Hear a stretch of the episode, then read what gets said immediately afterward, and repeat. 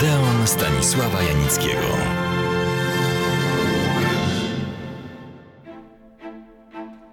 Ten film jest jednym z moich ulubionych. Temat fantastyczny i ważny. Scenariusz skonstruowany wzorcowo, reżyseria i inscenizacja olśniewające, zdjęcia znakomite, plenery, scenografia i kostiumy oszałamiające. A aktorzy? Podzielam zdanie tych, którzy uważają, że to najlepsza rola Barta Lancastera.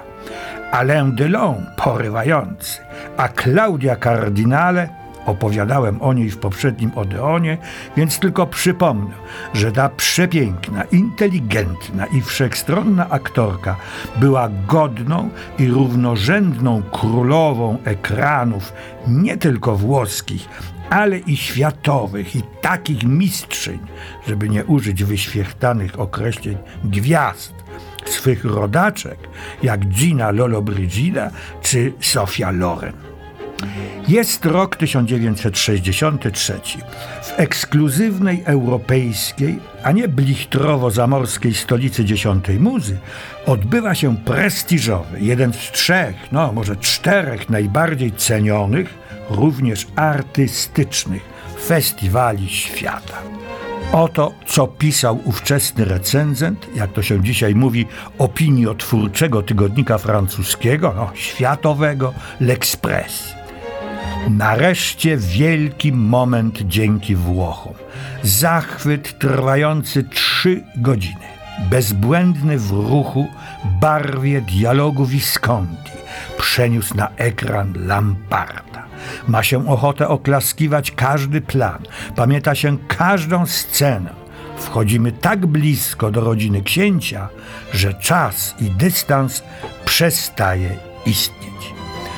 Tylko dla porządku przypomnę Lucino Visconti, geniusz kina, twórca takich m.in.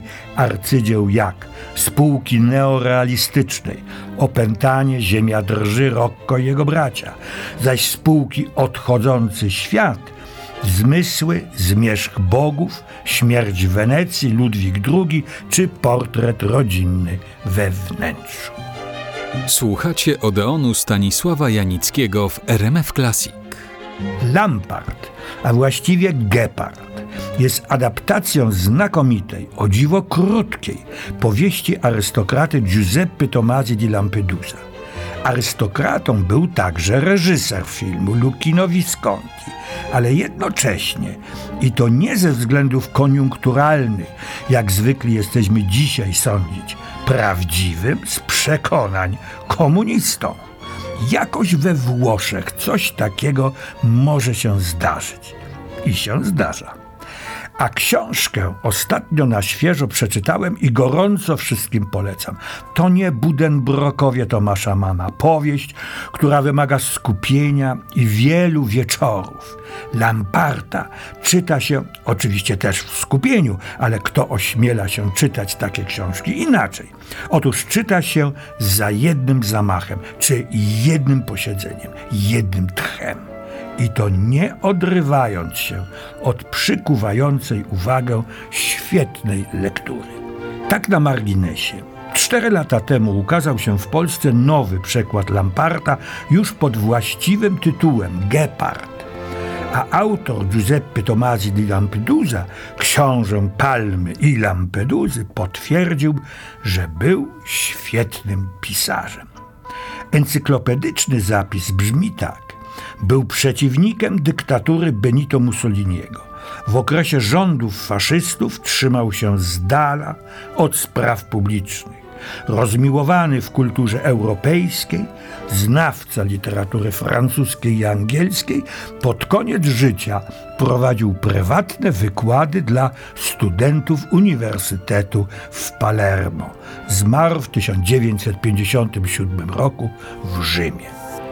We Włoszech jego powieść Lampard Gepard, opublikowana po raz pierwszy po śmierci pisarza, doczekała się ponad stu wznowień.